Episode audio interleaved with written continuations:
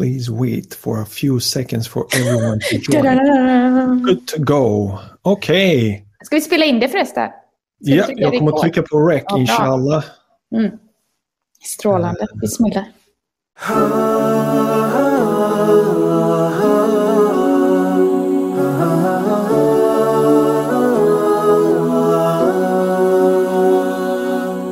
Assalamu alaikum och hjärtligt välkommen till Koranpodden. Jag heter Sally och detta är Koranpodden. Podcasten som hjälper dig förstå Allahs ord och där vi träffar spännande personer och samtalar med dem om viktiga trosfrågor och hur dessa påverkar våra liv. Du lyssnar på poddavsnitt 165 och idag ska du få lyssna på Karin Timskogs presentation om hur vi motverkar stress. Hennes presentation som du alldeles strax ska få lyssna på heter Stressa av med rörelse. Kroppen behöver röra på sig och en stark kropp klarar stress bättre än en svag. Så om du önskar förbättra din självkänsla, ha färre negativa tankar och öka känslan av kontroll, lyssna och låt dig inspireras av hur du kan stärka ditt välmående Karins presentation Stressa av med rörelse var en del av webbinariet Stärk ditt välmående. Webbinariet var ett samarbete mellan Koranpodden och Energized Muslima som Karin driver och handlade om hur du mår bra både till kropp och själ. Alla blir vi stressade någon gång, på jobbet eller i skolan. Det händer i olika situationer som kräver något extra. Om stressen pågår länge kan din kropp ta skada.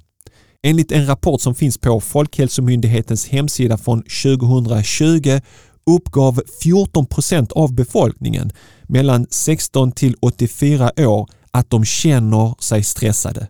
Andelen var högre bland kvinnor än bland män. Därför är det viktigt att vi talar om stress och hur vi motverkar det på bästa sätt.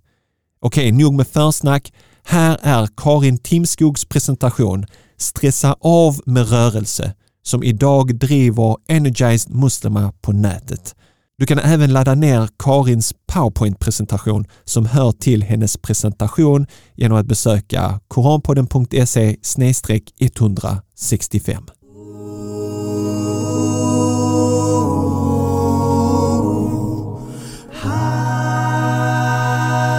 okay, den spelar in. Mm. Alright, salam alaikum allihopa. Hjärtligt välkomna till den här, det här webbinariet. Det är nog första webbinariet som jag gör på det här sättet. Eh, och jag tänkte att det är kul för, för alla om eh, de som är deltagare presenterar sig själva via chatten. Eh, och eh, jag och Karin ska alldeles strax presentera oss. Så jag, jag kan, eh, ska jag börja Karin? Ja, gärna, gör det. Yes. Så jag heter Sally och eh, bor i Malmö och driver Koranpodden och det är min stora passion i livet. Just nu jobbar jag på säsong 5 som kommer ha eh, premiär den 8 februari inshallah. Så att eh, ja, jag håller på och redigerar och jag planerar och det är min stora hobby. Eh, vissa samlar på frimärken Vissa samlar på Pokémon-kort och jag samlar på intervjuer och samtal. Och eh, Karin är en av de som kommer gästa säsong 5 och det var så vi lärde känna varandra. Och jag tänkte det skulle vara spännande att testa ett sånt här webbinarium eh, där vi har Karin och så har jag eh, mig själv också med här eh, och pratar om välbefinnande och så. Så hjärtligt välkomna till alla. Om ni vill skriva i chatten och presentera er så hade det varit toppen. Jag kan läsa lite utdrag här. Eh, Emily skriver tack trebarnsmamma från Malmö som önskar komma igång med träning för kropp och själ. Härligt! Jag är också från Malmö, trevligt, trevligt. Ehsan skriver Salam från Stockholm. Hjärtligt välkommen. Sham skriver eh, Salam alaikum. Sham här från Stockholm men studerar i Umeå. Kul att vara här och tack för detta webbinarium. Tack själv, kul att du kan joina oss här. Kashif skriver, eh, Kashif från Trollhättan, välkommen Kashif! Härligt att ha dig med här. Välkommen! Och vi har Oase, Rolli, salam alaikum från Hultsfred. Stora delar av Sverige, eh, Karin här. Du måste vara den mest exotiska här från Marocko. Eh, Aida skriver salam alaikum. Aida är här också från Stockholm men pluggar i Umeå. Och eh, Fadi, salam alaikum från Göteborg. Välkommen Fadi. Rasha eh, skriver salam alaikum. Eh, Rasha heter jag från Malmö men student i Uppsala. Härligt. Välkommen. Många studenter. Mashallah. Kul att ha er alla här. Okej, okay. så hjärtligt välkomna till, den här, till det här webbinariet. Tänkte bara göra ett... Eh, ja, nu har jag presenterat mig själv och läst de här. Karin, ska du också presentera dig? Okej, okay. Karin heter jag. Assalamu alaikum wa rahmatullahi wa barakatuh. Jag kommer ju från Göteborg, så jag älskar Göteborg.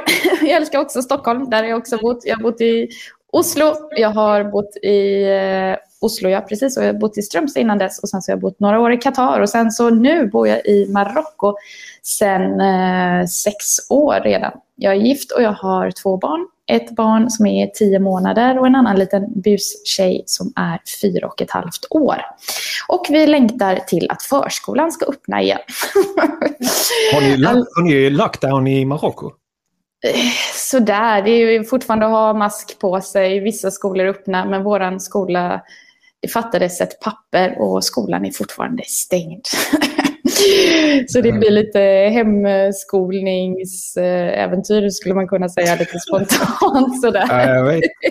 jag har min äldsta här, eh, jag har två barn, en som är 14 och en som är 8 och 14-åringen mm. han studerar på distans. Mm. Eh, för grundskolorna, högstadiet har också gått över till distans mm. eh, medan den yngsta går i skolan. Så det är ganska mm. skönt. Jag har en kille här. Sen undervisar jag på distans också. Så. Mm. Han tar hand om sig själv mm. ganska mycket. Nora säger salam alaikum, Nora från Örebro, trebarnsmamma och älskar att träna. Härligt. Adi skriver, kommer ni att spela in? Ja, vi spelar in det här eh, och kommer att publicera det inshallah. Jag tänker att eh, publicera det via Koranpodden som avsnitt längre fram under säsong 5, kanske säsong 6, vi får se. Mm. Vi spelar in det så det kommer kunna finnas tillgängligt sen. Mm. Okej, så upplägget idag är ganska basic och enkelt. Eh, Karin kommer att köra igång inshallah och prata om fysisk välbefinnande. Hon kommer hålla en presentation på ungefär en kvart, 20 minuter inshallah. Och då kommer jag gå backstage. Eh, så när hon är klar så har ni möjlighet att ställa frågor till henne. Eh, ni kan skriva i chatten. Jag vet inte om ni kan använda mikrofon och kamera och sånt. Det är lite nytt system för oss det här. Så vi håller på att lära oss också samtidigt som vi kör första premiären här. Eh, och eh, efter att Karin är klar så kommer jag köra en kort eh, föreläsning, en kvart, om eh, hur motgångar eh, kan vara till vår fördel inshallah. Så mm, korta reflektioner, 15-20 minuter. Sen så släpper jag också fram frågor som ni kan ställa till mig och eh, till Karin då efter hennes presentation kan ni ställa frågor till henne. Och Sen tänker jag att vi avrundar så vi ska inte hålla på alldeles för länge. Det är söndag, eh, för många är det studier imorgon och jobb och annat. så. Okej, okay, så Karin, är du redo? Yes, bismillah.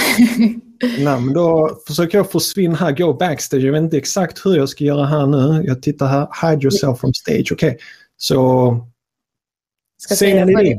Salam alaikum. Och alaikum salam wa rahmatullahi wa barakatuh. Ska vi bara se att vi får igång allting här. För vi vill ha det tekniska på plats lite grann. Okej, okay, sådär. Så tack snälla alla ni för att ni är här. Och idag så pratar vi som sagt om att stärka ditt välbefinnande. Och rubriken på mitt lilla webbinarium eller presentation här är Stressa av med rörelse. Och det kanske låter lite motsägelsefullt. Men vi kommer komma till det ännu mer, vad vi kan göra för att stressa av. För stress är ju någonting som tyvärr påverkar oss oftast lite negativt. Och vi vill ju alla må väl, vi vill må bra. Så vad ska vi göra för att kunna stärka vårt välbefinnande? Och en av de sakerna det är verkligen att träna. Så jag hoppas att ni kommer bli motiverade och verkligen ta med er någonting som kommer hjälpa er med motivationen just till att få in mer rörelse och mer träning i vardagen. Och så min fråga till dig, vill du ha bättre självkänsla, färre negativa tankar, ökad närvarokänsla och ökad känsla av kontroll?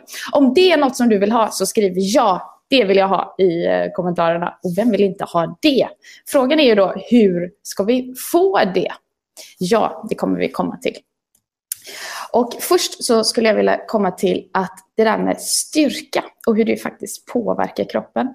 Och jag läser det som jag har i rutan där på, som är på engelska. Och det är ju att vår älskade profet, Prophet Muhammad sallallahu alaihi said att the strong believer is better and more beloved to Allah than the weak believer while there is good in both.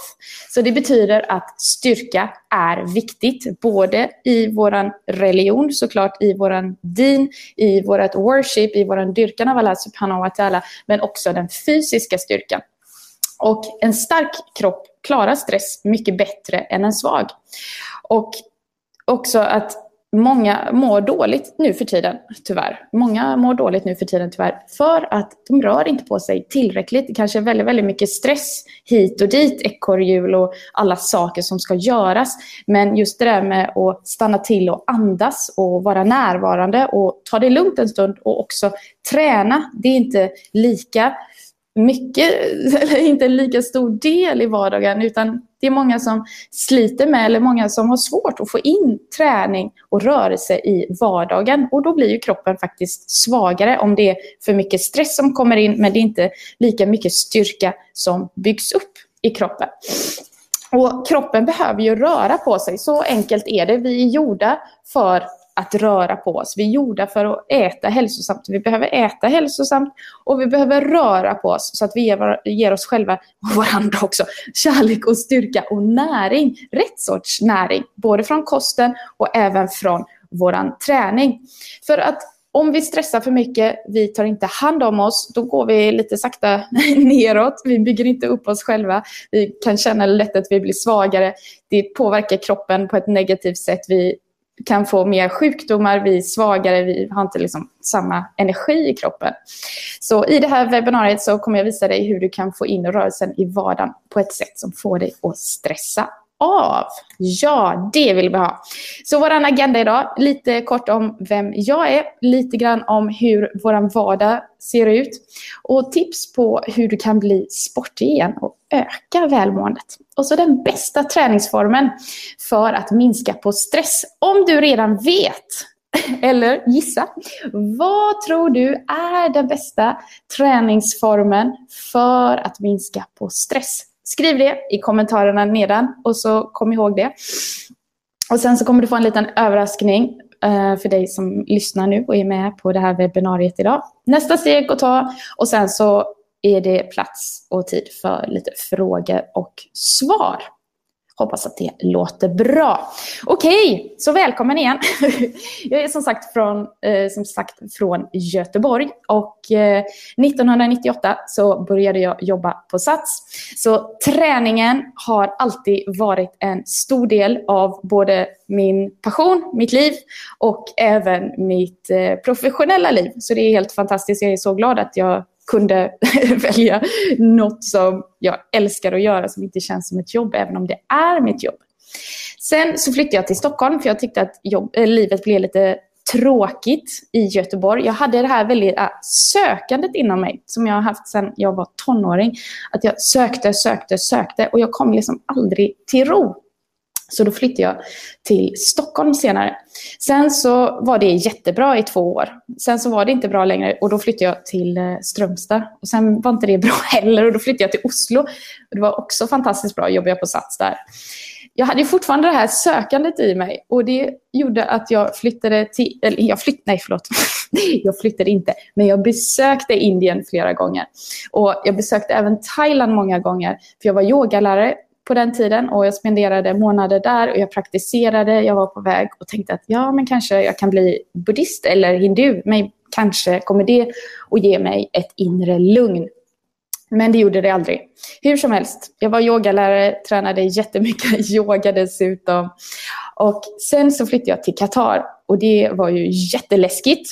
Och det var muslimskt land. Jag visste inte särskilt mycket om islam. Det enda jag visste var att det var jätteläskigt.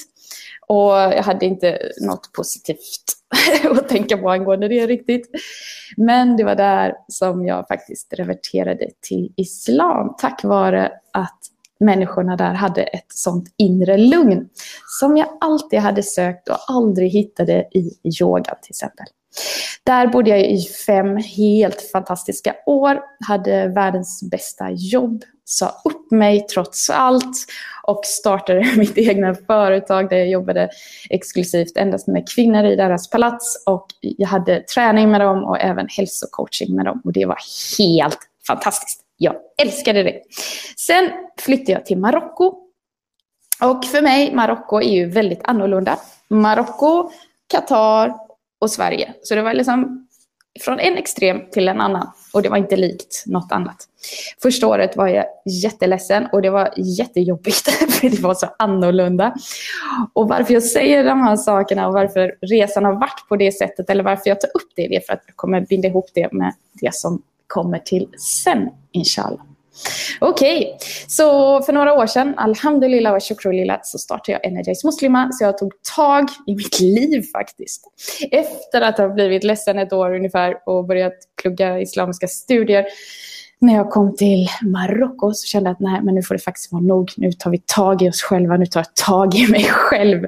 Och för jag tänkte så här, om jag kände på det sättet jag gjorde när jag inte hade något gym att gå till och helt annan kultur och massa olika saker.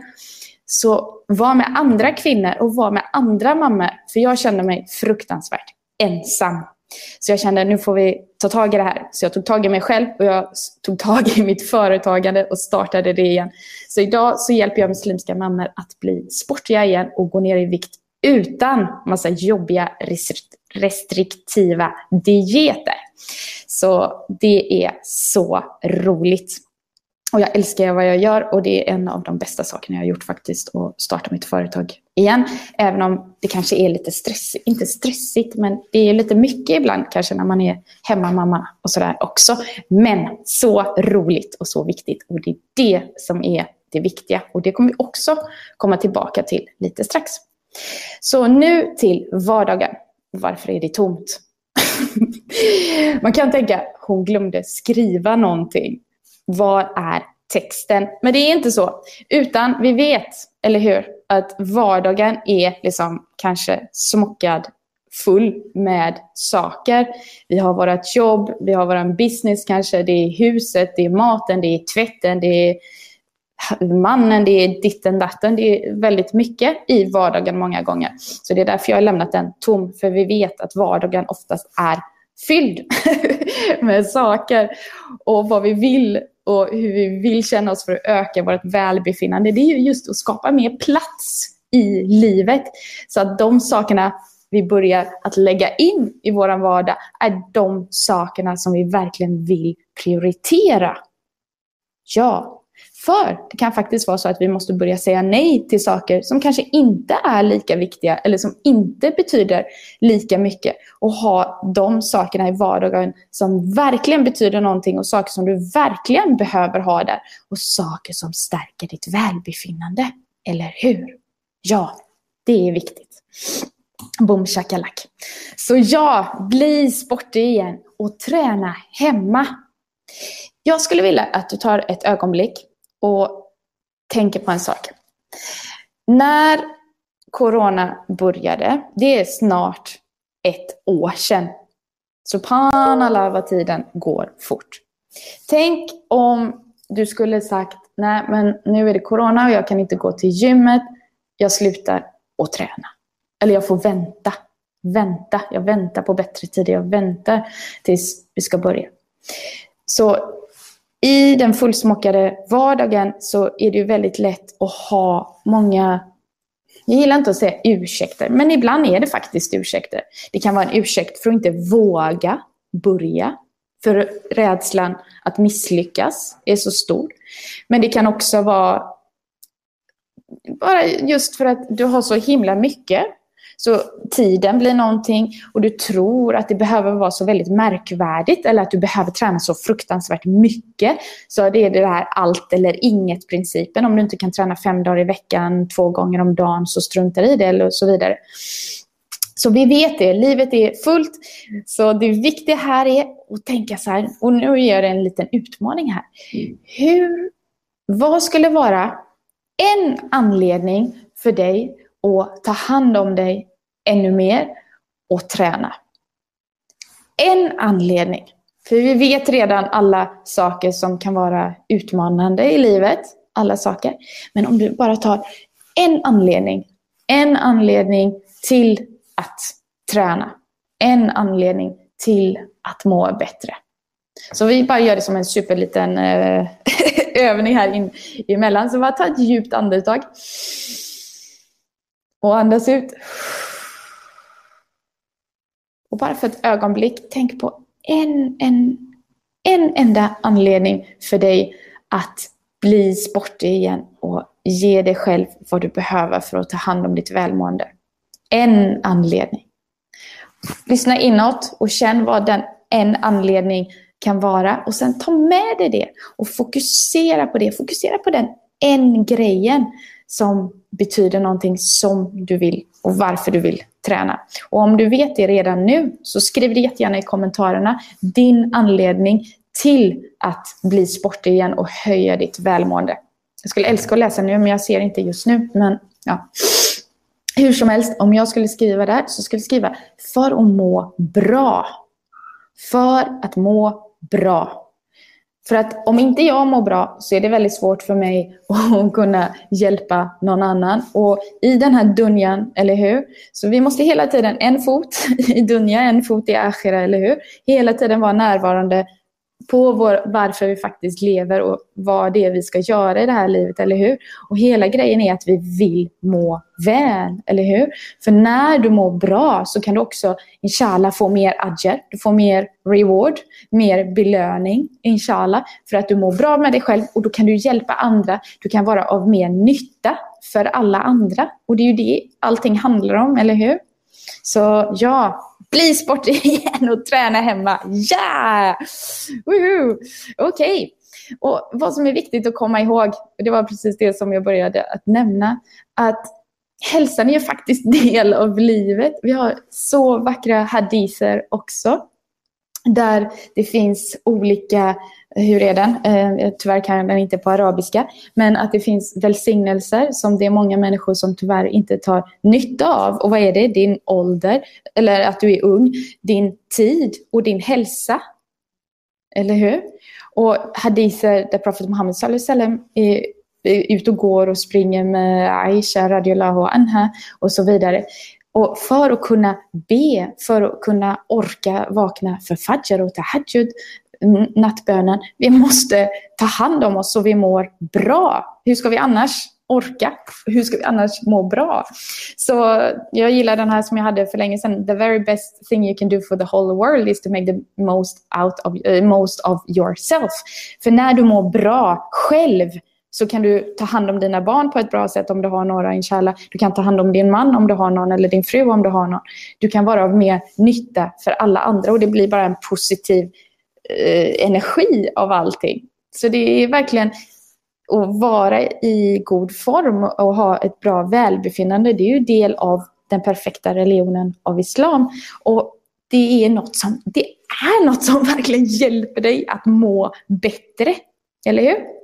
för mycket soffa och tv och eh, tacos och pizza och cornflakes eller vad man nu var. Alltså, det är inte så här att man känner så här kanske, yeah, yeah, wow, wow, jag mår så jättebra. Eller hur? Ja, det blev lite spontant, men, men du förstår vad jag menar. Så här är bara lite så här, vad händer när vi tränar då? Och här är förresten mina träningskläder från Syndid. Det är ett franskt eh, företag med franska eh, det är muslimer som har företaget. För en annan gång jag sa Frankrike så blev det, ja, men du förstår. Helt underbara kläder, jag kan verkligen rekommendera dem. Hur som helst, vad som händer i kroppen när du tränar. Vi får en ökning av signalsubstanser i hjärnan att vi får mer endorfiner. Vi blir verkligen glada, vi får mer energi. Och vi verkligen kan bli lyckligare. Hur glad är man inte? Och det kan, har du säkert sett på några av mina galna eh, live-videos eller videos efter jag varit sprungit röd i ansiktet. Det är ju så lyckligt så det finns ju inte. Det är verkligen det är en boost för ditt välbefinnande och träna för du blir så mycket lyckligare. Du ger dig själv så mycket eh, energi. Och du också minskar stresshormonet kortisol, bortrensning av stressrelaterande substanser i blodet och nybildningar av nervceller i hjärnan. Psykologiska reaktioner, bättre självkänsla, Alltså hur gott känns det inte när du kört tunga benböj eller du har tränat hemma? Yes, jag gjorde det! Och det är så bra, eller hur? Och vi lär oss från vår perfekta religion av islam att vi ska be fem gånger om dagen, vi ska be i tid. Vi lär oss disciplin. Likadant när vi tränar. Vi sätter vårt schema, vi tränar. Det hjälper oss så mycket. Och när vi är gladare så hjälper det också oss att ha färre negativa tankar. Det ökar vår närvarokänsla, för när du tränar, du måste fokusera, du andas, du känner din kropp, du känner dina muskler. Och du liksom är närvarande i din kropp och då känner du att du har lite mer kontroll, inshallah, också. Så det där med hemmaträning, det var ju något som vi nämnde tidigare. Och speciellt för systrar, om man är hemmafru eller hemmamamma, så kan det ju vara lite problematiskt kanske. Eller det är många tankar och, eller många ursäkter. Det går inte att träna, eller hur ska jag träna? Och sen så har vi också corona som är en annan grej. Och så allt det där med det där fullspäckade eh, livet och vardagen. Så effekterna av att träna hemma, det är ju framförallt att du kan ju spara tid. Du sparar fantastiskt mycket tid. Och att du faktiskt gör det möjligt. Så alla de där sakerna, ah, jag måste ha ett gymkort eller jag går och köper ett gymkort och tro att det ska vara grejen för att få motivation, kanske. Men det är inte alltid att det hjälper.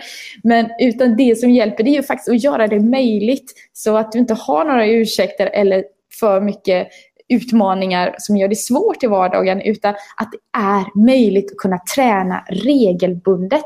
För när du tränar och när du gör det, då du får resultat om du gör rätt sak och det är då du blir motiverad. Yes! Vi skapar vår motivation genom att göra och känna hur vi mår och genom att få resultat.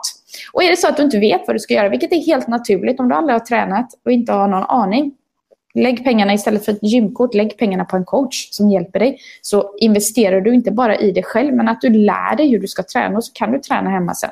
Det är ju helt strålande. Och jag tränar hemma själv och som hemmamamma då, eller hemmafru med barn, hur skulle jag kunna gå till gymmet och med jobb och allting? Det skulle vara... Det går ju inte knappt. Det beror på hur man har med logistik och sådana saker. Men jag bara säger hemmaträning, det är bara så bra. Och nu kommer vi tillbaka. Vad är då bästa träningen för att minska på stressen?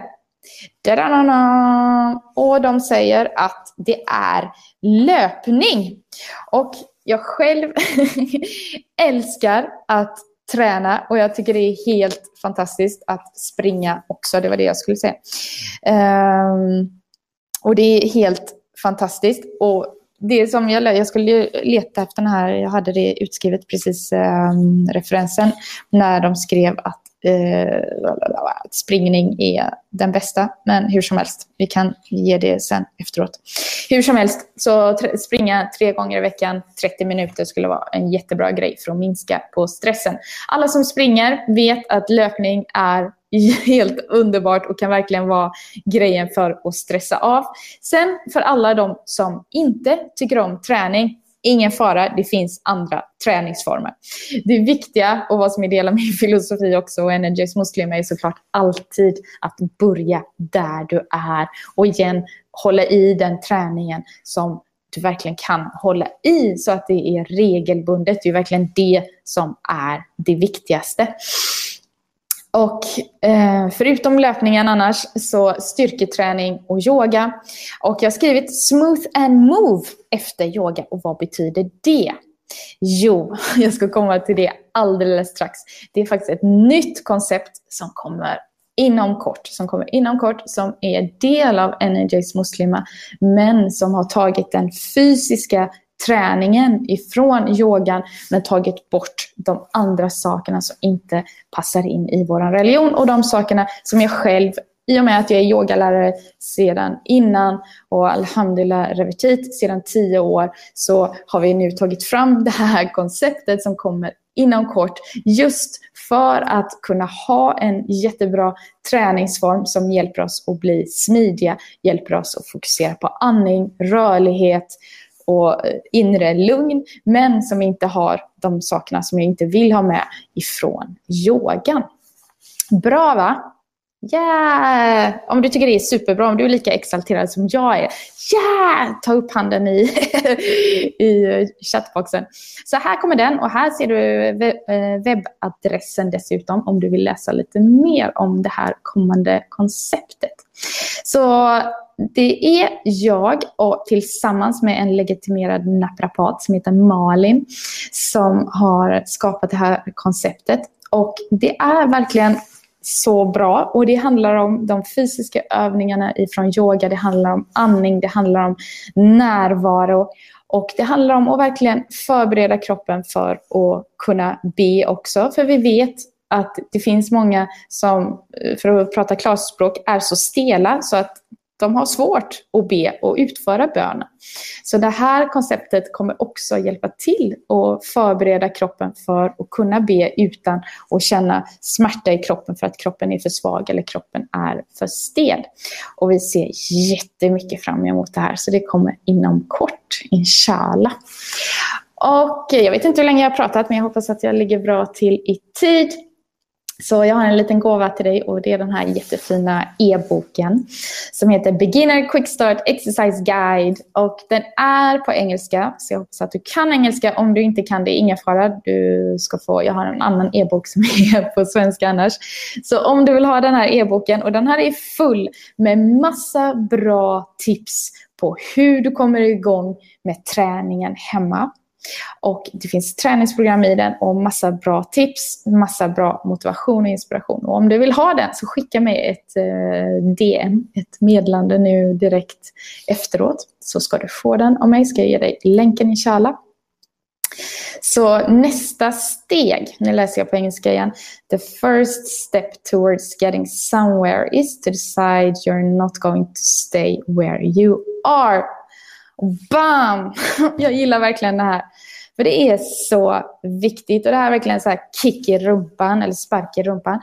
För att för att komma någonstans i livet, för att börja med träningen eller ta på hijab eller börja med träningen hemma eller vad det än må vara, så, och för att börja med träningen hemma till exempel, eller börja träna eller lägga om din kost och bli hälsosammare för att öka ditt välbefinnande, så måste du bestämma dig. Det är du som måste ta beslutet att du inte vill vara där du är, utan att du vill göra en ändring. Även om du skulle anlita en coach, så är det du som måste ta beslutet. Och det kan vara riktigt läskigt eller hur? Det kan vara jätteläskigt att starta något nytt, något okänt, något som du inte vet. Och alla revertiter till exempel vet väl det också, eller hur? Så det här binder verkligen ihop allting egentligen. Att du måste ta beslutet att du inte vill vara där du är just nu kanske, utan att du vill upptäcka något mer, du vill lära dig något mer, du vill öka ditt välbefinnande. Så skicka mig ett DM så att du kan ladda ner eh, e-boken som jag precis postade. Och om du är en eh, syster så kom med i eh, vår Facebookgrupp Hälsoboost för systrar som är på svenska eller Sisterhood in Weight Loss som är på engelska. Så kom ihåg denna. The first step towards getting somewhere is to decide you're not going to stay where you are. Okej, okay, boom shakalak. Här har vi frågor, här har vi svar. Och här säger vi tack så mycket. Nu går jag ut ifrån presentationen här. Och så ska vi se om vi har några frågor. Och så tar vi stop sharing. Jag är tillbaka också och ska hjälpa till och eh, kanske med, med frågorna. Men vi har faktiskt en fråga redan här och det är den här av halal och haram-karaktären. Och det är fråga om yoga. Mm. Hur är det med yoga islam? Är det halal? Det beror på vem du frågar. Som med många saker i islam så är det olika scholars, olika lärda som ger olika svar. jag är ingen lärd på något sätt, men jag är yogalärare sedan tidigare och jag har pluggat lite islamiska studier. Så jag bara pratar utifrån mig själv. Och vad jag själv inte kan göra till exempel, jag pratar personligen för mig själv. Jag vill inte gå på en yogaklass som är blandat naturligtvis. Jag kan inte stretcha och ha en man vid sidan av. Så det är väldigt svårt att ha på sig hijab om man skulle gå på en sån klass till exempel. Dessutom så skulle jag inte vilja sätta mina händer i böneposition som man gör i yogan, som är något som hinduerna gör. Det skulle kännas lite konstigt för mig. Jag skulle till exempel inte heller kunna sjunga mantran som de gör. Som jag gjorde när jag tränade ashtanga yoga till exempel och säga att jag bugar mig ner inför mina andra lärare och vice versa. Då går ju det emot att jag vet och att jag tror att Allah subhanahu är den enda som jag tillber. Jag kan inte buga mig inför någon annan. Så om du skulle träna och, kan, och är en kvinna till exempel och kan ha hijab, att det är bara kvinnor som tränar där och att det är bara ren fysisk träning och att du ser det som en fysisk träning och att du vet att det inte är universum på något sätt som ger dig någonting utan det är bara Allah subhanahu wa ta'ala och du connectar inte eller du inte eh, connect, vad heter det på svenska då? Du inte... Um... Ha? Kopplar. Du, du, kopplar inte ihop dig med så här, att universum kommer ge dig någonting eller kopplar ihop dig med andra gudar eller något sånt utan du vet du, du vet var du står någonstans, du vet allting som händer, allting som sker ifrån Allah subhanahu wa ta'ala. Jag är här, jag tränar fysisk träning. Hoppas att det svarar på frågan. Tack så mycket för den. Tack själv. Om där är andra deltagare som har frågor så får ni jättegärna skriva frågorna i chatten. Vi ger någon minut här. Det som Karin har pratat om eller kanske något som har med ämnet att göra så får ni jättegärna skriva en fråga. Jag vet inte, nu, Karin kan du se chatten nu också? Jag Nej, jag gör inte det. Jag ser länken, bara... länken till eh, e-boken kanske du kan klistra in där som ett meddelande. Absolut. Vi har Fadi som, som är UX-designer. Mm. Han skriver så här, kan du ge mig tips som jag kan ge till min dotter, 15 år, som får henne att börja tänka att träna? Motiverande ord, råd eller tips till en 15-årig tjej att börja träna. Vad skulle en pappa kunna säga? En bra ja, det, fråga. Ja, det är en jättebra fråga. Att det stärker ens självkänsla kanske. Bara, det, det, var det första som jag kom i mitt egna tanke. När man är 15 år så kan det vara väldigt mycket distraktion i livet. Um, så du är frågan varför han vill. Nej, men om han själv kan vara aktiv tillsammans med henne och motivera. Det är alltid bra, som, eller en förälder kan ju kanske motivera genom att inspirera dessutom.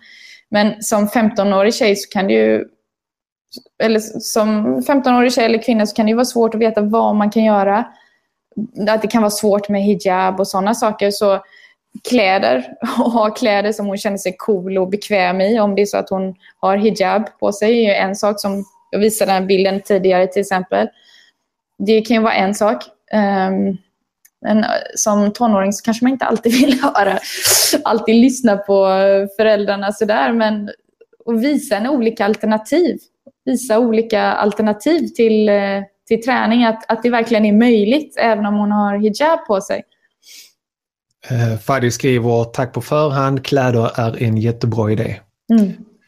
Kashif eh, skriver här, oftast är man medveten om att träning är bra för ens välbefinnande. Men vad är ditt råd för att komma igång, komma över tröskeln som man kan uppleva som hög initialt?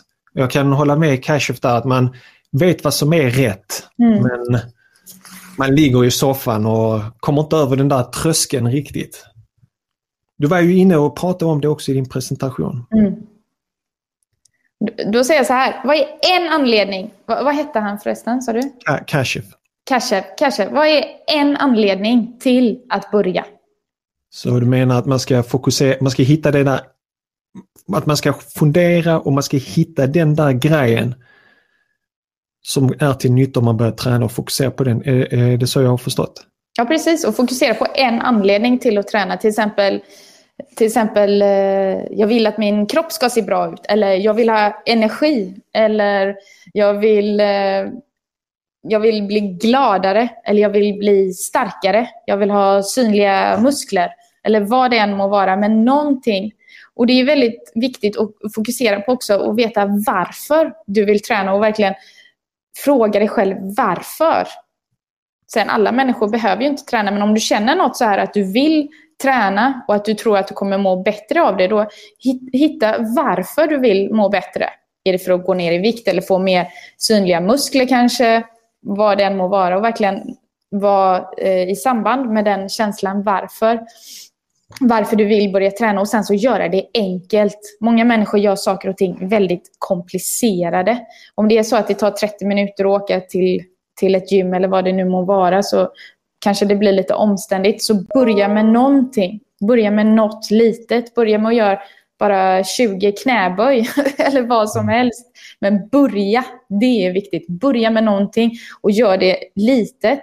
Och sen kan du öka på längre tid eller, sådär, eller fler gånger i veckan. Men börja och göra något som är realistiskt, något som du kan hålla i. Mm. Och bara börja, bara börja. Jag, jag, jag, tror, jag tror mycket på det där att man ska bryta ner det och göra det väldigt, väldigt enkelt. Jag hörde en kille som skulle gå ner i vikt. Eh, mm. Han skulle börja träna på sån här träningscykel. Och han, mm. Han hade också svårt att komma igång, men han sa så här, mm. okej, okay, I'm just gonna show up. Jag ska bara visa mig. Jag ska komma till cykeln. Så bara satt han på cykeln. Han cyklade inte ens. Mm. Utan varje morgon kom han och satte sig på cykeln. Mm. Satt han där någon 30 mm. sekunder eller vad han gjorde och sen så gick han ifrån där. Men det lärde honom att okej, okay, jag, jag, kan komma och sen så börjar han träna en minut och så man, mm. man, måste bryta ner det till riktigt, riktigt löjligt litet. Mm. Men när det väl har kommit igång så kan man bygga på det så att säga. Och eh, ett, ett, annat tips är liksom att det, vad du än ska liksom komma igång med en vana, om du ska mm. läsa eller mm. om du ska träna eller vad som. Förbered din fysiska miljö för att kunna komma igång med träningen. Mm. Så om du ska ut och löpa eller bara promenera, mm. innan du lägger dig, ställ skorna, träningskläderna redo. Så att det första när du vaknar är att du har dina träningskläder redo, du har dina skor står framme. Så det var liksom enkelt att bara komma in i det. Och det är mentalt också för, för hjärnan att när du har förberett dig dagen innan, när du vaknar på morgonen så, så är hjärnan inställd på att okej, okay, det är det här jag ska göra när jag vaknar på morgonen. Mm. Eh, det har kommit in lite andra frågor också. Eh, eller en annan fråga. Har du, tränings, eh, har du träningscoaching och i så fall vart? Ja, ja det har vi. Så skicka mig jättegärna ett eh, meddelande så kommer vi i kontakt så ska jag berätta mer. Men jag har online coaching där jag coachar eh, muslimska mammor att bli sportiga igen och gå ner i vikt utan jobbiga dieter. Och då får du ett personligt träningsprogram och du har coaching under tiden och även hjälp med kosten så att du når dina mål och även exercise, eh, träningsdemonstrationer och allting levereras i min egna app, i min egna Energize Muslima app. Så det är väldigt convenient, det är väldigt eh, säga, smidigt. Väldigt smidigt för du har allting i din app och du har coaching. Så det är väldigt tidseffektivt dessutom. Eh, en annan fråga från Aida. Jag tror vi får ta det som sista fråga. Vi ska försöka hålla tiden. Mm. Eh, frågan är, är det enbart för mammor eller kan andra systrar också ta del av detta? För vi höra lite marockanska polisbilar i bakgrunden. Eller är det ambulansen? Vad är det? det har nog aldrig, aldrig varit någon gång när, jag har, när det är något sånt där och det inte är liksom... Utanför det är liksom, men välkommen Det måste vara en, en första gång för allting. Ja. marockanska ambulanser. Ja, ambulanser och poliser och ja, det är lite mycket ambulanser och poliser nu Nej, men äh, kvinnor också, absolut. Systrar, systrar är också jättevälkomna, absolut. Mm. Mm. Jättefint. Tusen tack eh, Karin. Jag tror du tack kan vara kvar och så kan du kanske bara gå backstage om du listar ut. Jag tar min, min del och sen tar vi frågor för mig också. Kanske finns det lite frågor till dig också sen efter. Absolut. Sen så, så kan vi avrunda. Jag ska hålla min presentation ganska kort, jag lovar.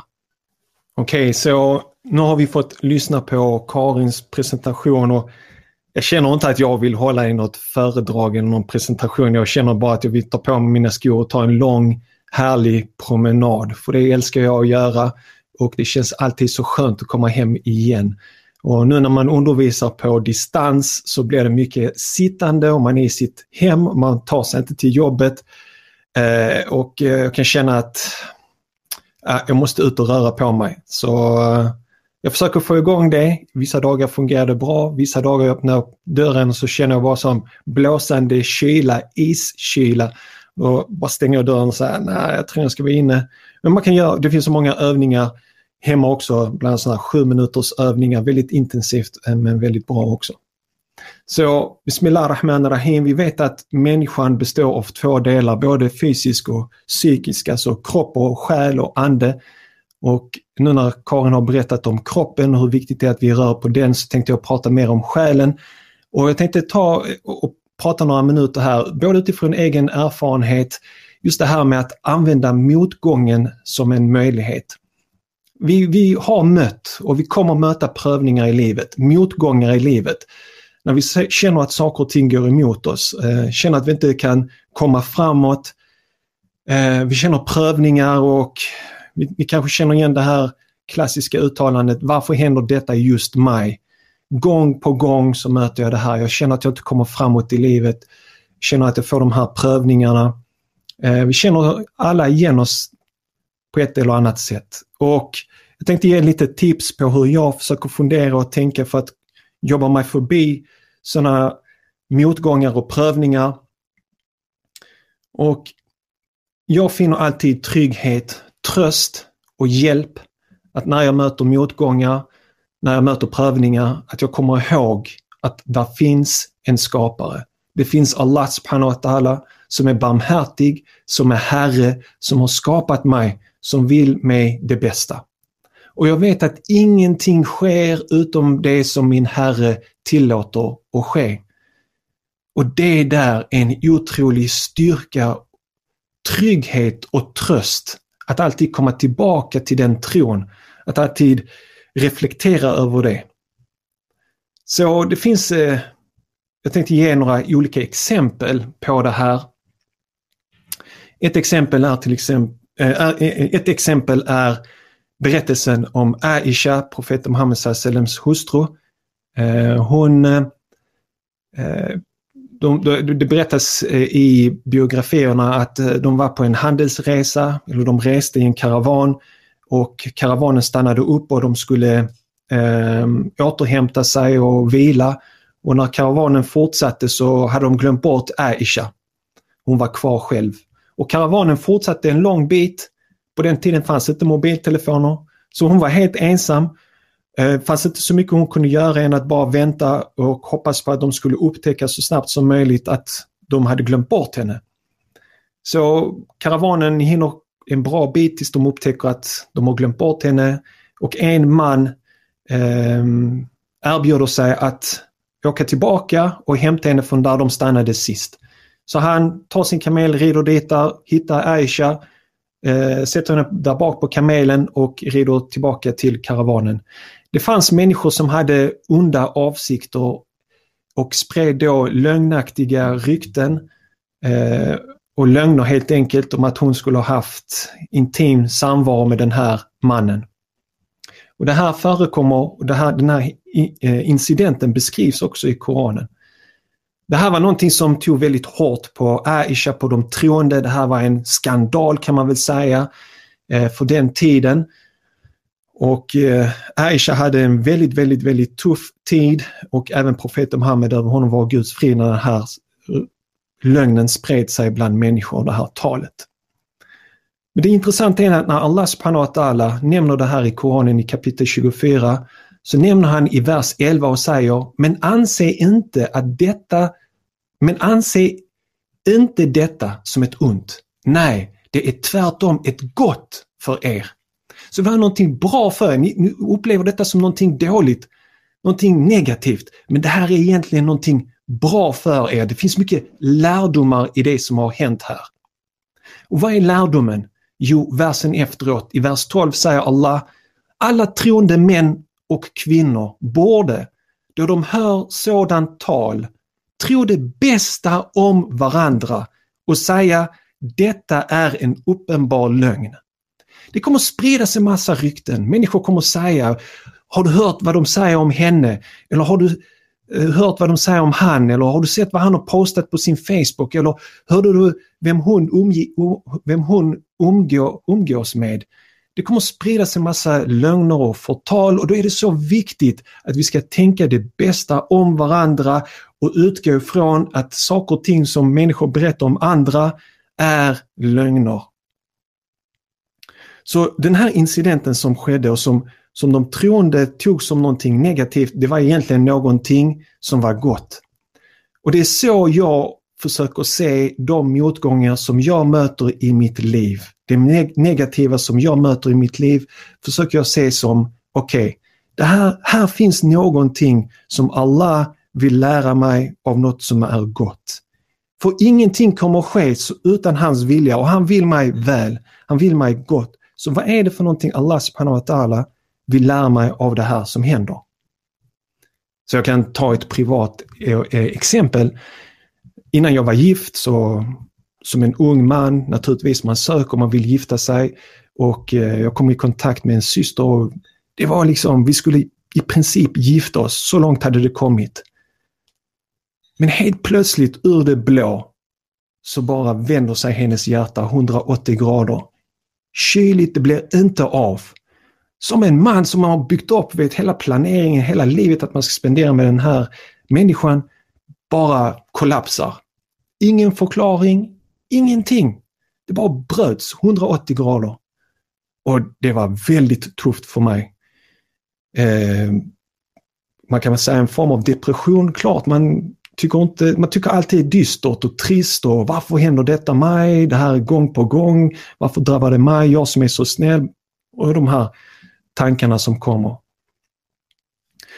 Men Allah ville lära mig någonting. Nu när jag tittar tillbaka till det. Så Alhamdulillah, Allah ersatte den människan med en bättre människa. Med den hustru som jag har idag. Eh, och, och Allah lärde mig genom den tuffa, eh, vad, ska, vad ska vi säga, prövningen prövningen eller motgången. Allah lärde mig vad är kärlek? Hur mycket kan du älska en annan människa? Och var försiktig att inte lägga, sätta någon vid sidan av Allah när det kommer till kärlek. Att du älskar någon så mycket att du glömmer bort Allah subhanahu wa ta'ala.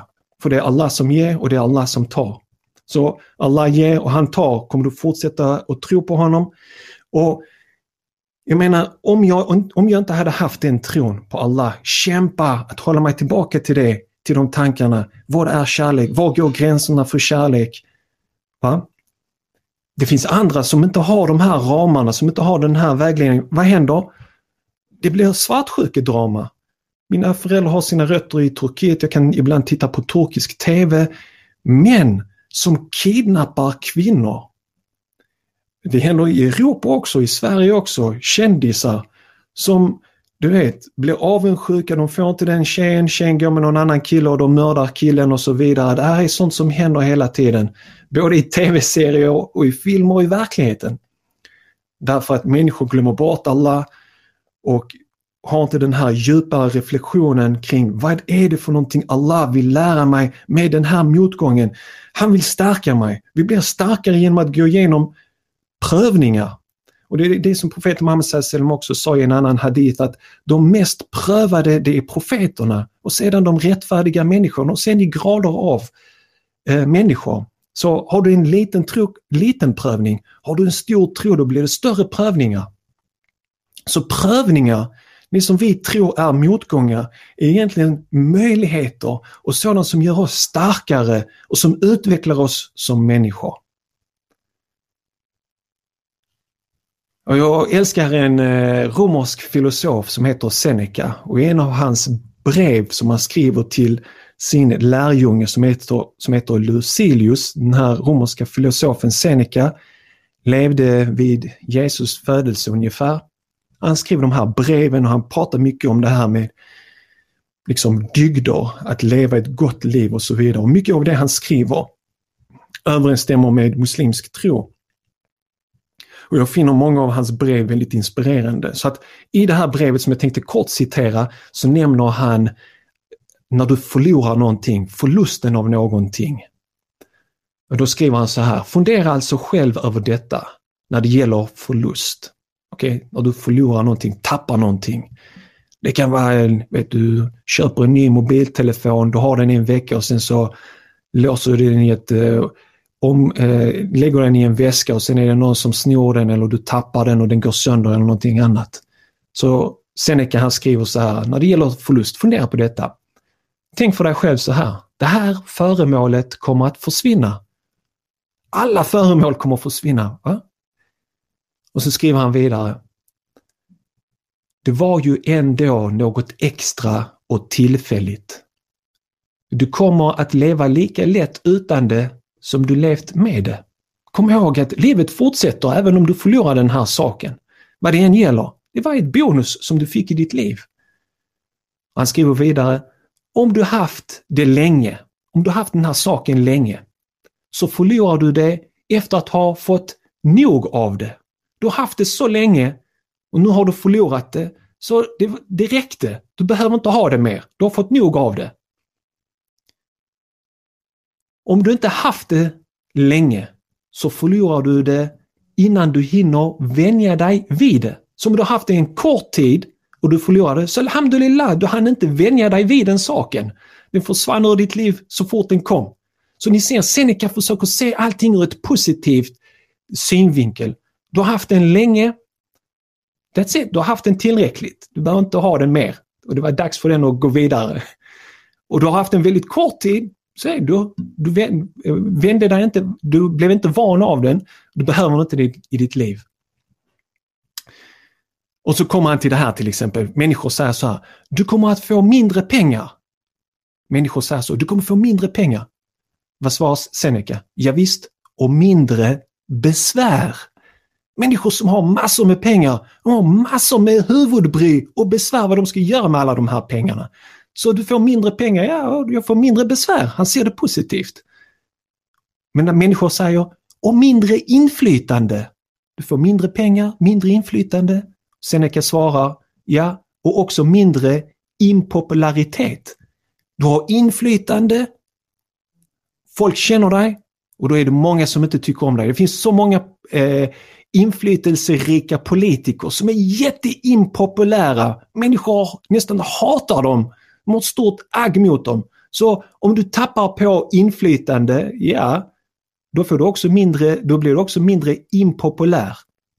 Så allt som vi först drabb, allt som drabbar oss, som vi först upplever som någonting negativt, som, ett, som en motgång, eh, är, kan vi, om vi funderar kring det, vända det till någonting positivt. Både med hjälp av att tänka på Allah subhanahu wa ta'ala, att Allah vill lära mig någonting med den här motgången, med den här prövningen. Men också som Seneca, utan att koppla in religionen, kan se genom logiskt resonemang att vi kan se på saker och ting från ett positivt sätt, även om vi först upplever som någonting negativt. Så jag, låt mig ta den fjärde och sista, sista exemplet och sen ska jag avrunda. Det är coronapandemin. Det är så många som ser det som någonting negativt och det här är jobbigt och hur länge ska det här hålla på? Och jag menar nu när vi gick från 2020 till 2021, hur många inlägg som delades på sociala medier och bilder där man liksom klankade på 2020 och liksom skrev och gjorde olika bilder av 2020 som det värsta året någonsin. Och det är för att man har det här begränsande mindsetet att coronapandemin är bara negativt, finns ingenting gott i det. Men nej, det är inte den troendes inställning. Den troendes inställningen är att ingenting sker utan Allah. Allah är barmhärtig, han vill lära oss någonting med den här pandemin. Och vad är det? Det är, till, det är var och en av oss uppgift att fundera kring den frågan och komma till insikt. Och jag menar, jag lyssnade på radio. Det var någon som sa, koranpandemin har lärt mig att varva ner. Jag var uppe i varv, sprang hit och dit och hade, var fullt upptagen. Pandemin har fått mig att varva ner. Pandemin har varit fantastiskt för vår natur. Djur har kommit fram igen. Naturen har liksom blomstrat igen. För oss att tänka på hur mycket vi har smutsat ner eh, miljön. Vi får tid till eftertanke. Så det finns så mycket positivt i allt det här, vi får aldrig glömma det. Så det jag vill att ni tar med er från den här korta reflektionen, det är den här frågan. Nästa gång du möts av en prövning, en motgång, då ska du ställa denna fråga till dig själv. Vad gott vill Allah lära mig, lära mig med detta som jag upplever som en motgång eller som en prövning? Jag tar det en gång till. Vad gott vill Allah lära mig med detta som jag upplever som en motgång eller som en prövning? Subhanaka Allahumma wa bihamdika ashhadu an la ilaha illa anta astaghfiruka wa atubu ilaik. Jag hoppas att det som Karin har pratat om och det som jag har pratat om ger en liten boost eh, att, att eh, jobba vidare med ett välmående inshallah. Så att om det är några frågor som är riktade till mig så får ni gärna skriva det i chatten. Och har ni även frågor till Karina så får ni gärna ställa dem här nu. Jag ser att Karina är tillbaks där. Och jag har faktiskt skrivit ner den frågan så jag, jag skriver in den i chatten så alla kan se den och kanske kopiera den och spara den någonstans så att man kan eh, bli påmind. För det, religionen är en påminnelse. All right. Jag ska inte prata för mycket utan vi lämnar till frågor och funderingar. Amin. Barakallahu Kashif skriver må Allah belöna er för kloka ord och reflektioner. Amin. Tack så mycket Kashif för att du är med oss här idag och även alla andra som är med här en söndag, söndag kväll. Nu är klockan 20.00. Det var sweet spot, det var ungefär dit jag tänkte att vi ska sträcka oss, inte för långt. Allahumma barik, jazakumullah khair för dessa lärorika påminnelser. Tack själv Nora för att du är med oss. Och eh, Vi har spelat in de här, eh, den här sändningen och jag tänker eh, att om eh, Karin ger mig tillåtelse så tänker jag stycka upp den här sändningen i hennes presentation och min presentation och lägga det som två eh, enskilda eh, avsnitt på Koranpodden så det kommer komma där inshallah. Och sen får Karin jättegärna använda det inspelade materialet som hon känner sig. Tack snälla.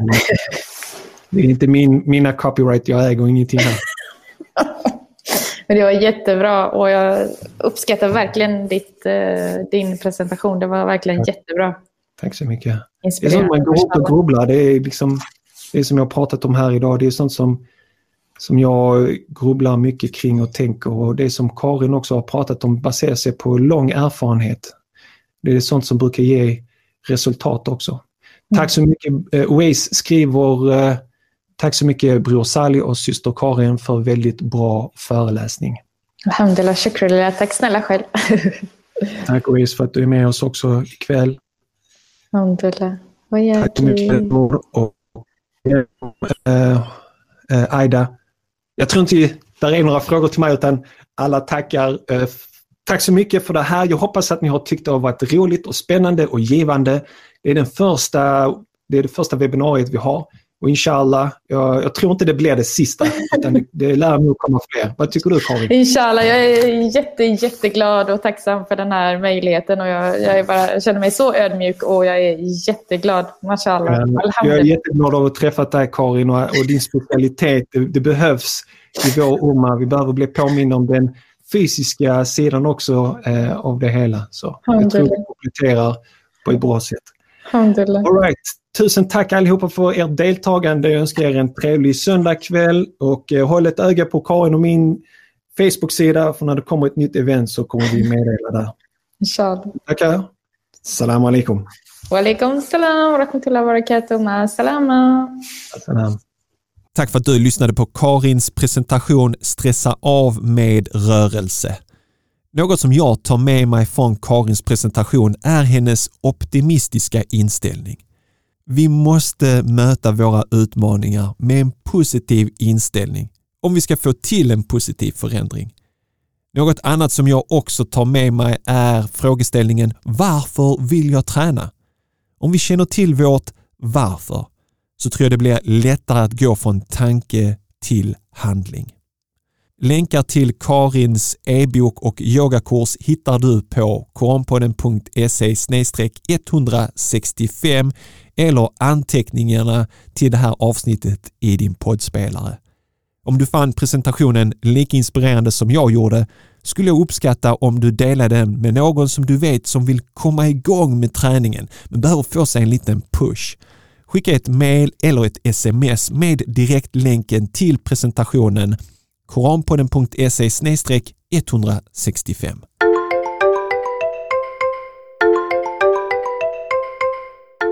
Lyssnare har lämnat meddelande i vår fantastiska telefonsvarare som jag vill dela med dig. Här kommer meddelandet. Assalamu alaikum wa rahmatullahi wa barakatuh bror Sana. Barakallahu fik. Och Allah subhanahu belönar dig för allt du gör. Du gör fantastiskt arbete. För mig är det viktigt att våra ungdomar eller den nya generationen ska förstå Koranen och ta del av det och få inspiration från det. Tyvärr många av våra generationer kan varken läsa på arabiska eller förstå arabiska. Det är därför det är viktigt att vi, eller bland annat alla muslimer runt om och hjälper till eller hjälper dessa ungdomar att komma på banan och förstå sig på Allahs ord.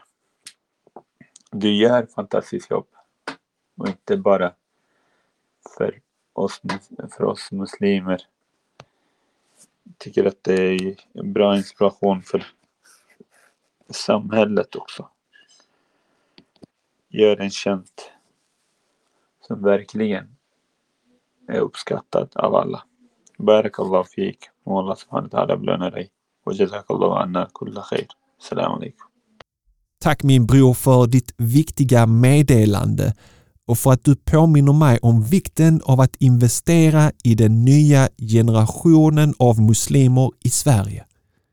De behöver verkligen få möjlighet att inspireras av Koranens budskap. Men också som du säger så är Koranpodden till för alla som vill lära sig något nyttigt och utvecklas som människa. Koranen är inte vår skrift din eller min skrift, det är Guds skrift till alla folkslag, män som kvinnor, unga som gamla, svarta som vita. Jag är inte ung längre, subhanallah, så det är ofta jag tänker på vad jag kan göra för den unga generationen. Den nya generationen som ska ta över efter mig. Koranpodden är min gåva till dem, till den nya generationen. Jag hoppas avsnitten och poddradioserierna ska inspirera dem att förändra sina liv och hjälpa andra människor att förändra sina liv till det bättre. Som små ringar på vattnet. Du kan också lämna ett ljudmeddelande som brodern. Surfa till koranpodden.se telefonsvarare med din mobiltelefon och lämna ditt meddelande. Nästa vecka är jag tillbaks inshallah med min presentation från webbinariet Stärk ditt välmående. Min presentation heter Använd motgången som en möjlighet. Och här kommer ett kort utdrag från den presentationen.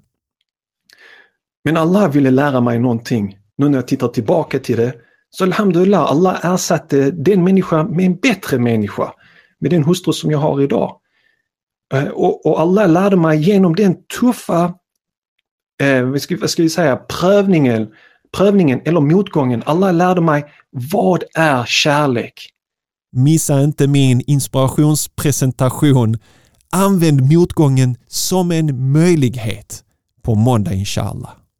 Följ oss på Facebook och Instagram där du kan följa arbetet med Koranpodden och vill du komma i kontakt med mig eller vill tipsa om någon som du vill att jag intervjuar så gör du det lättast genom att mejla mig på hej koranpodden.se. Det återstår bara för mig att önska dig en härlig vecka. Tack för att just du lyssnar på Koranpodden. Vi hörs igen nästa vecka på måndag inshallah. Ta hand om dig tills dess. Salamu alaikum wa rahmatullahi wa barakatuh.